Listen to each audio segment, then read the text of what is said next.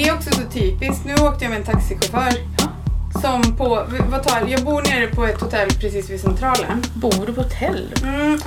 Du inte Jag på har haft en här? så, jo, jag har haft en sån...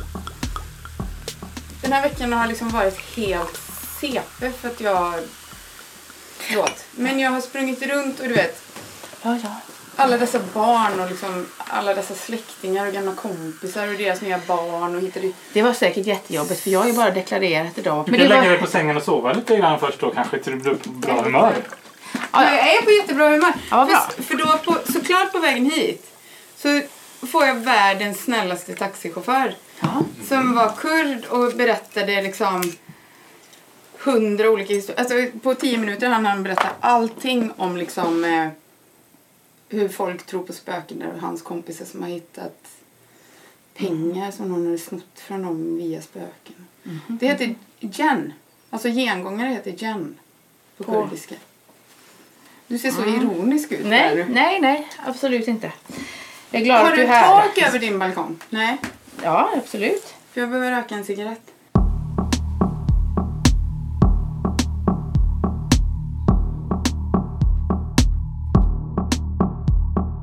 Livet var allt annat än ett äventyr för konstnären Linda Spåman.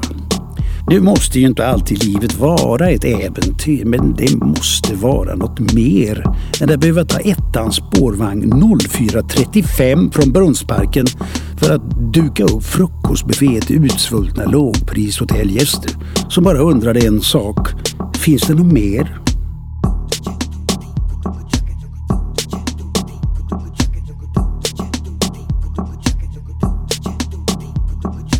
Det finns inget mer. Det var därför inte heller svårt för Linda Spåman att säga ja när en kvinna en eftermiddag ringde henne och på bruten engelska frågade om hon var a real fortune teller från Sweden. En äkta spåman. Ja, eller det är ju inte riktigt sant.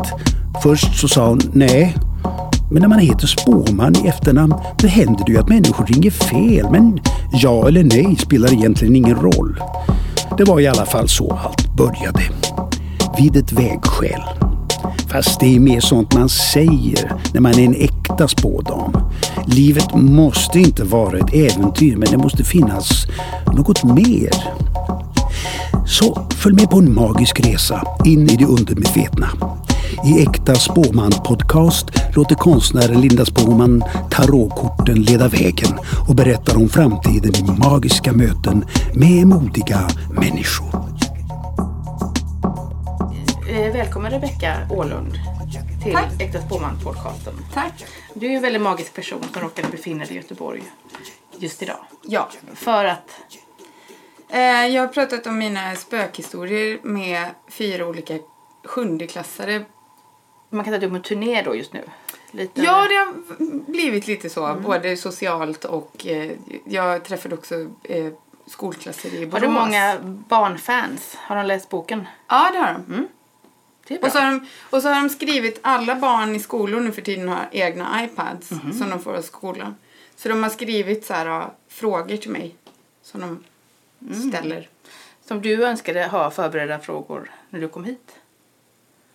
Ja, nej men jag, jag, ju, jag kan ju skriva men jag är så dålig på att prata. Eller jag pratar ju väldigt mycket. Det ju- men det är väldigt bra tycker ju vi Men- i podden ändå. För då Ja. får man ju veta. Du kanske vill ha hemligheter. Fast det tar väldigt lång tid för mig att tänka. Så Men din, din senaste bok, vad heter den? den heter Det som hände i källaren. Och den första boken heter Det som hände i skogen. Nej. Nej. Den första boken hette Flickan på tavlan. Just det. Sen den Jag har andra, alla böcker här. den andra boken heter Ibland blir skogen vred. Just det. Och den nyaste heter Det som hände i källaren. Mm. Den baseras ju liksom på ett, ganska mycket på ett Wii-bräde som jag fick av dig. Som du Du smickrar mig för mycket. Ja. Magin är ju vår gemensamma sak kan man säga som vi har levt för 400 år sedan på 1600-talet. Det var så vi träffades första Ja. gången. Och var Eh, älskande. Vi var älskare. Vi träffade med, med, med komplikationer. komplikationer. För vi, vi var båda män. Nej, Var det inte jag så? var inte det men vi fick aldrig varandra ordentligt. Mhm, jag uppfattar som, för vi träffade en klärvoajant i Borås. Ja. För du är ju från Borås också kan man Ja. säga. Det var därför jag var i Borås för att möta dig. Mm.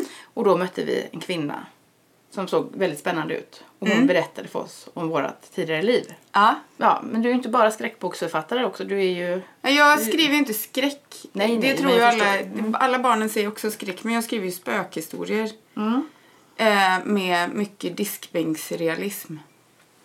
Är det svårt att skriva spökhistorier? Eh, det är vidrigt att skriva överhuvudtaget. Men nej, inte svårt att skriva spökhistorier.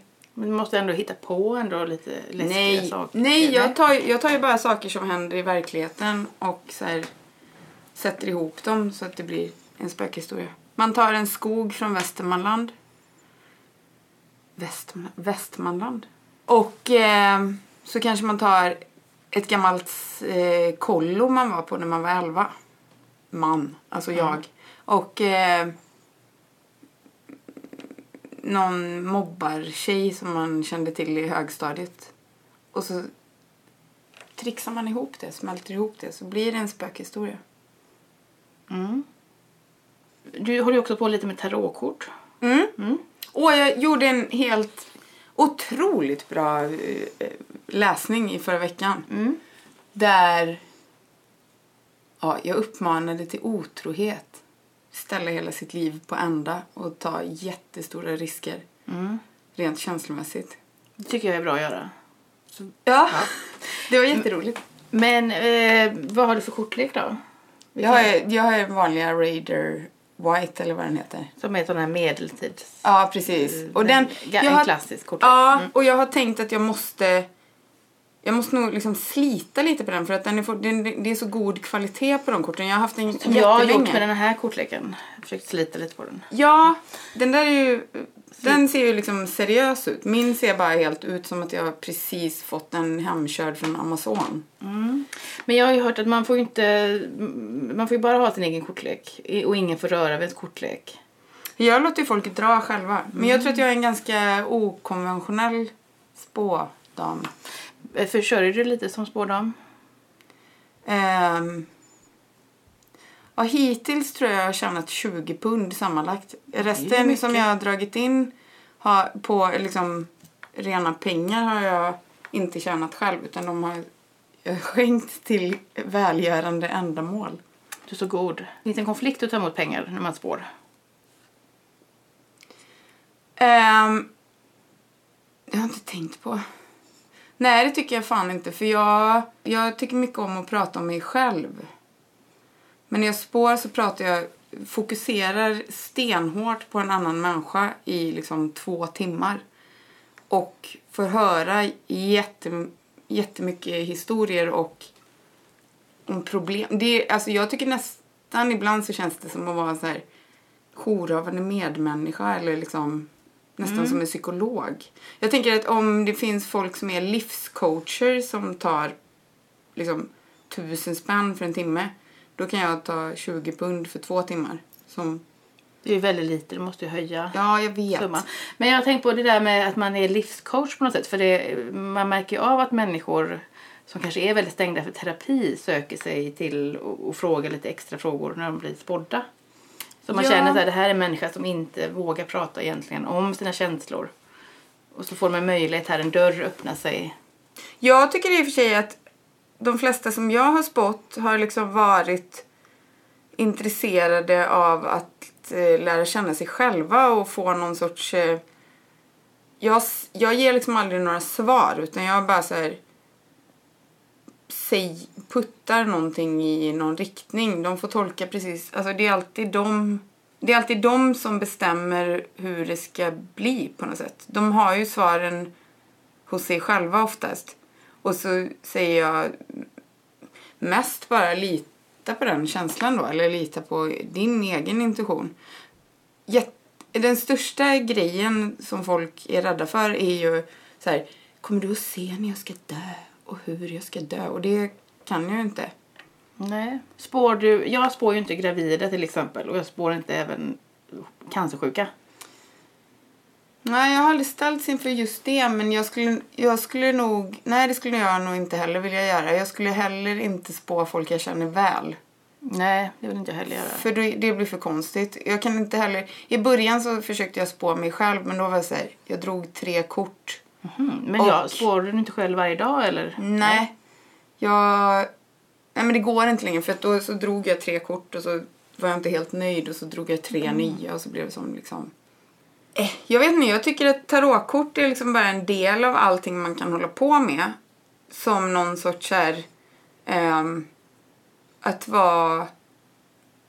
eh, Jag tycker mest att det handlar om att vara lite ehm, ödmjuk inför att vi inte kan förstå och styra allting. Och eh, alltså att skriva barnböcker och lägga tarot. Ja, det handlar väl om att liksom koppla ihop allting som är eh, magiskt. Alltså en skog kan vara magisk och ett tarotkort kan vara magiskt. Eh, det är roligare, man får ett roligare liv om man inte tror att man kan veta allt eller, eller liksom förstå allt. Jag har inte pluggat i 200 år för att bli spådam liksom. Jag vill bara prata lite. Mm.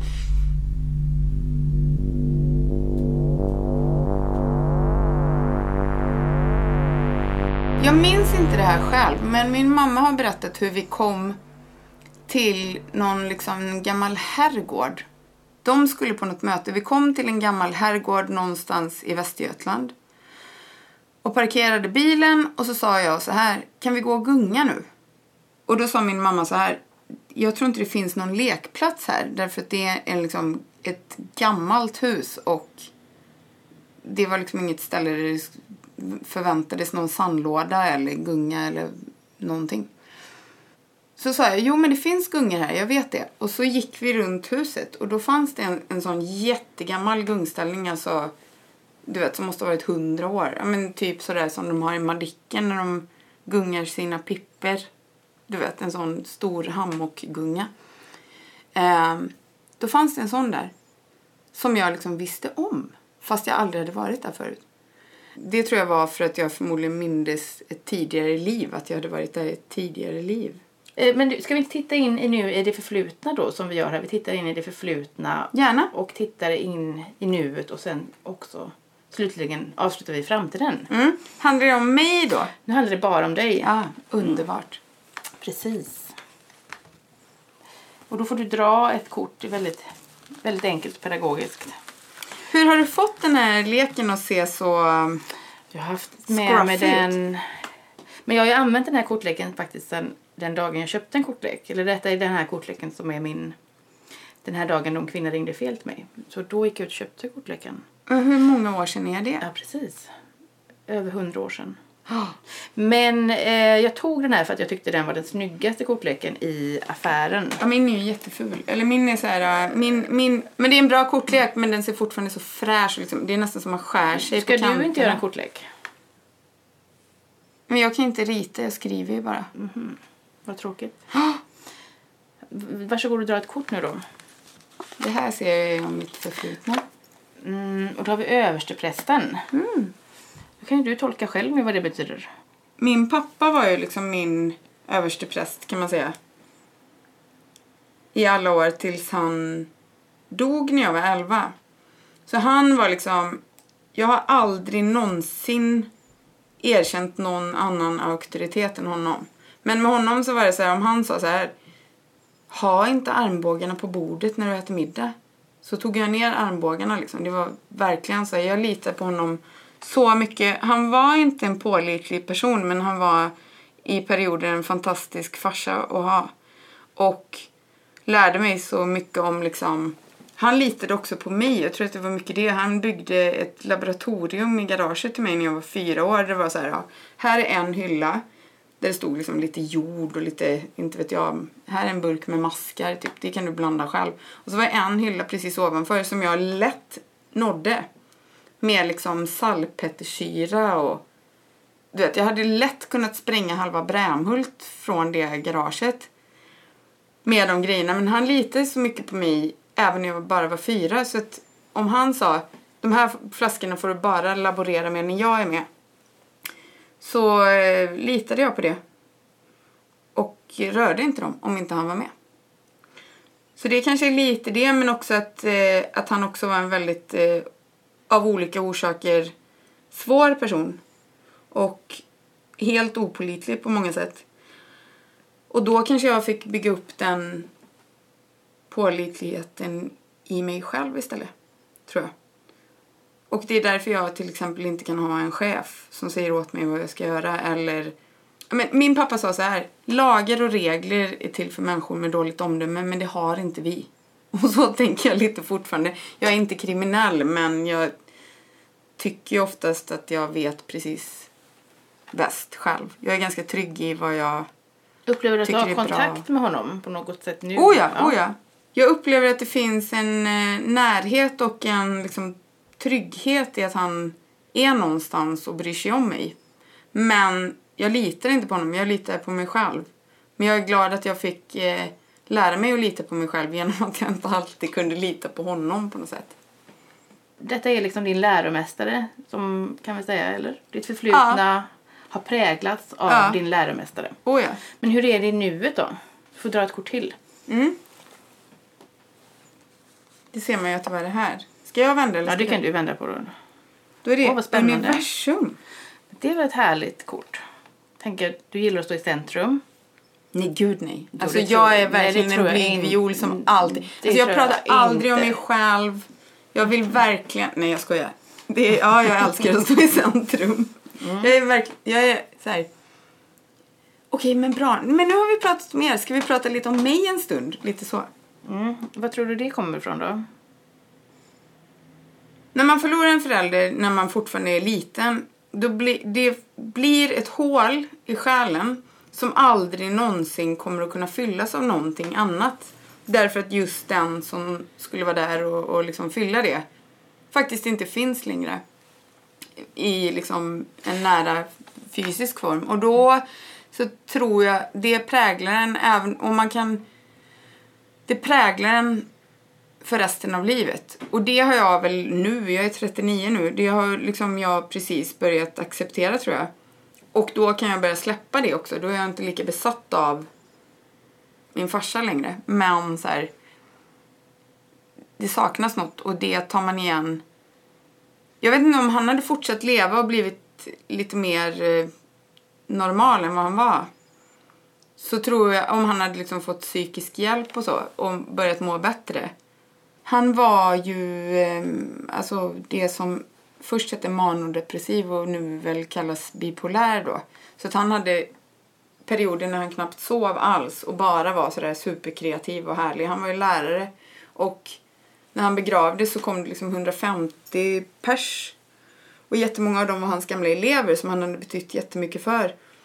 Och nu när jag har börjat skriva om honom i olika sammanhang så är det liksom folk som hade honom som lärare på 70-talet innan jag ens var född som hör av sig och säger så här din, du ska bara veta att din pappa var extremt viktig för mig när jag var 14 år. Och att jag är typ journalist idag beror på att han hjälpte mig att få en praktikplats. Alltså han var ju så här osunt engagerad då i sina elever. Ja, men han var ju liksom en superkarismatisk person som väldigt rolig och liksom intelligent och begåvad. Men han hade också ett mörker som gjorde det otroligt eh, jobbigt. Alltså min mamma, jag kan liksom inte ens förstå att hon inte skilde sig från honom Mm. innan. Han var ju helt opolitlig och tog jättemycket lugnande tabletter och liksom var... Då på den tiden fanns det ju så här Albyl med kodein att köpa så jag gissar att han var i princip morfinmissbrukare i perioden när han mådde dåligt liksom. Och drack och ja men så. Håller du på att skriva en bok om din pappa nu? Ja. Och den blir inte alls som jag hade trott från början. Är den färdig? Nej. Nej.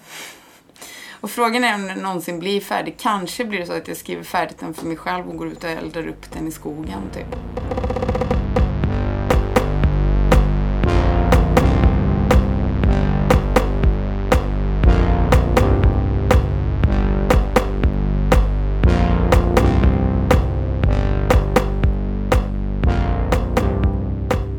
Det tog jättemånga år innan jag kunde berätta att min pappa hade tagit livet av sig. Därför att det är så fortfarande, mindre nu, men liksom, säg för 20 år sedan, det var ett extremt tabu. Jag har, det ljög jag om i många år. Ja, men han blev sjuk eller du vet. Om man säger han blev sjuk då förutsätter folk att det var cancer. Ehm, han var ju sjuk i depression liksom, men ehm, om, man, om man säger sjuk eller jag tror till och med jag ljög liksom, i perioder om att han hade dött i en bilolycka för att det var så jävla självmord fanns liksom inte ens. Man fick inte prata om det alls. Um, och det, jag, det var så jobbigt att ha de där hemligheterna hela tiden. Och när jag började så här försiktigt ta små steg, alltså jag gjorde ju inte det i skrift eller liksom någonting jag publicerade på väldigt många år heller. Men när jag träffade människor som jag liksom kände att jag kunde lita på och som jag kunde berätta för sanningen för på något sätt. Och också, det, det handlar inte bara om min farsa, det handlar om så här att erkänna sina svagheter och vara liten ibland och inte alltid vara så här ja, Men du har du några svagheter? Du är Ja. ju universum här som framstår Ja men det är klart att jag har svagheter, det har väl alla. Men om man inte är, om man inte försöker gömma undan dem utan är liksom öppen med dem. Och då blir man ju i princip osårbar. Om man vågar vara sårbar själv så är det nästan ingen som kan såra en. För man har redan liksom öppnat upp för det. Och jag är inte så rädd för det.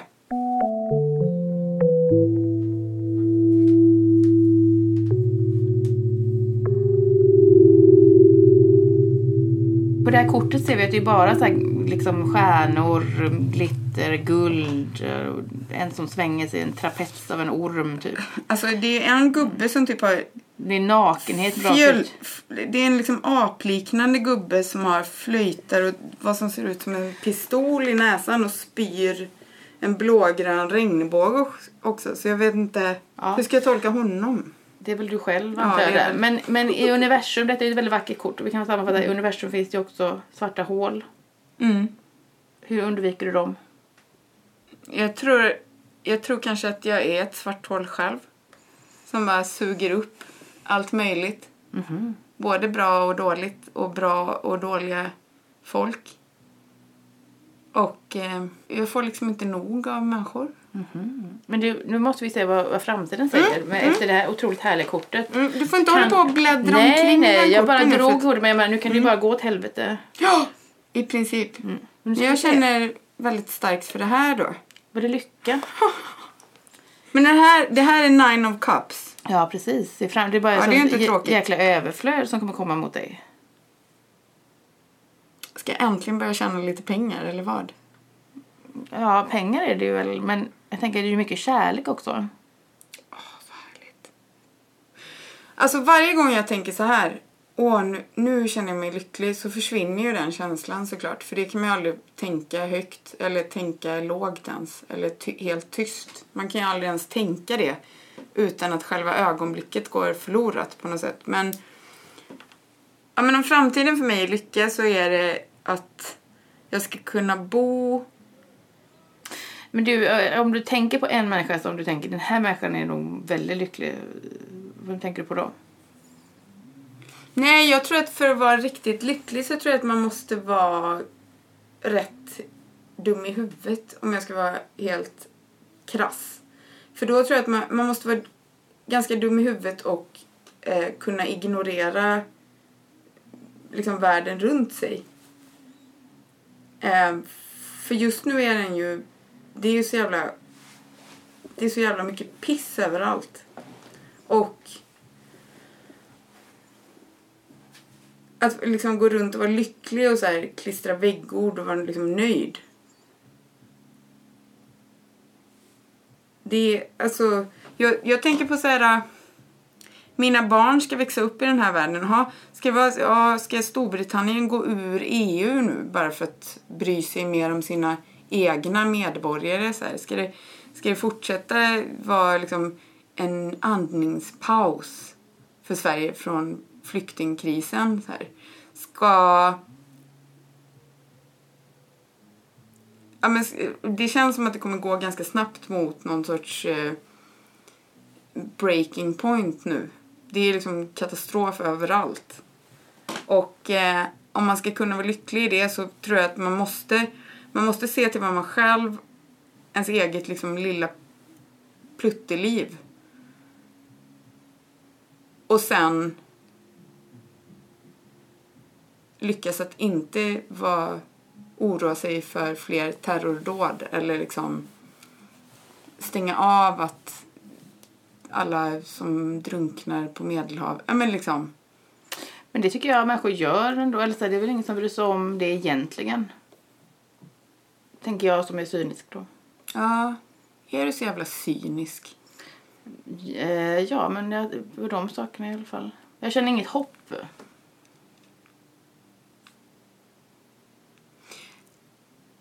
Känner du hopp? jag, nej, jag känner faktiskt inte hopp heller. Nej. Jag känner, men eftersom jag har barn så, så försöker jag tvinga mig själv att känna hopp ibland. Och jag... Eh, jag vill inte ge upp riktigt än känner jag. Men det är för att du har barn. Ja, eller för att... För att det skulle vara så hemskt om alla gjorde det. Så... Nej, det skulle, det skulle inte... Eller så här, om alla gjorde det. Om jag gjorde det så skulle jag liksom li, li, lika gärna kunna lägga mig ner och dö känns det som. Om jag har jag slutade känt någonsin sen jag var hopp. 12 år. Så att... Ja, Men jag vet, men jag kämpar ju fortfarande emot det. Eller försöker i, i mina starka stunder. Men, men lycka, jag tror, att, jag tror att det kanske handlar om att... För mig kommer det att handla om att... Eh,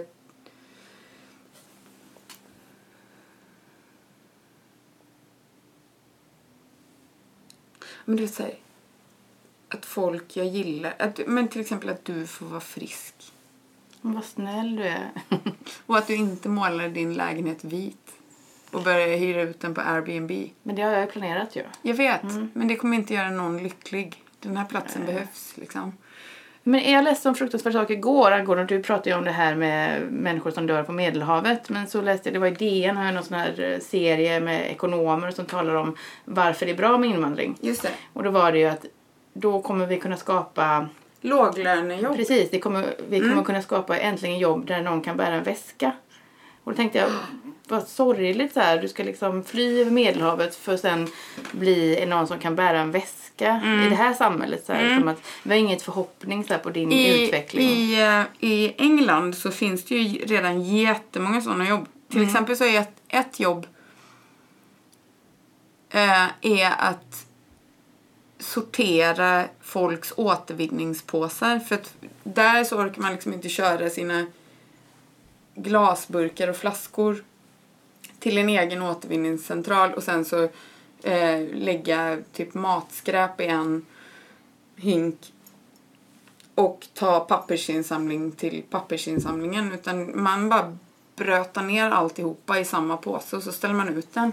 Det är ju liksom, det är ju, ju att skapa jobb. Men det är ju inte, det bygger ju inte på någon typ av liksom att vi hjälps åt. Utan det är bara så här, vi är så bekväma men du kan ha det här jobbet för jag vet inte vad de tjänar men det kan ju inte vara jättemycket. Men hur ska vi krossa kapitalismen då? Men den kommer krossa sig själv. Ja, men eh, jag tror att lyckokortet säger att du ska flytta hem till Sverige igen. Och skriva den här boken om din pappa. Ja, jag tror också att jag ska flytta hem till Sverige. Jag fick ett tecken igår. Tecknet var att jag gick vilse. Så här, jag är uppvuxen i Borås. Jag bodde där mina första 18 år i livet. Jag är till och med... Oh, det är i och för sig ganska äckligt att veta om, men jag blev tillverkad i en stadsdel som heter Norrmalm. Min mamma bor nu på Norrmalm igen och jag så här... Där i den lägenheten låg jag och hade havandeskapsförgiftning med dig. Så du har bott där? Och jag bara, ja. Den stadsdelen är inte speciellt stor. Och ändå igår när jag skulle liksom promenera hem från stan till min mamma. Till hennes lägenhet. Så lyckades jag gå vilse.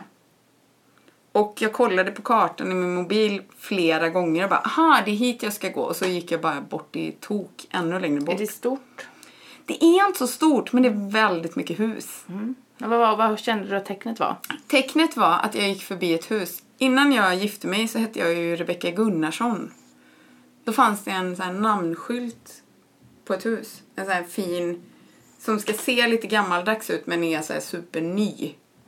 Förmodligen från Mio-möbler. Som, som det stod Gunnarsson på. På ett jättefint hus. Och då tänkte Knackade jag du så här, på? Nej det gjorde jag inte. Men du, du gick ja. inte runt huset och hittade några gungor där? Nu när du säger det, de hade fan gungor. Men inte sån gammal hammockgunga. De hade också en, en eh, deras soptunna hade de klätt in i sån plast med blommor på. Det var jättefint. Och då kände jag att här kanske. Innan vi avslutar måste du dra ett, ett, eh, turkort. Svart kort. Mm. Ett svart kort som Ett du svart kort. kan ha med dig som ett kraftkort Mm. när du ställs inför stora prövningar.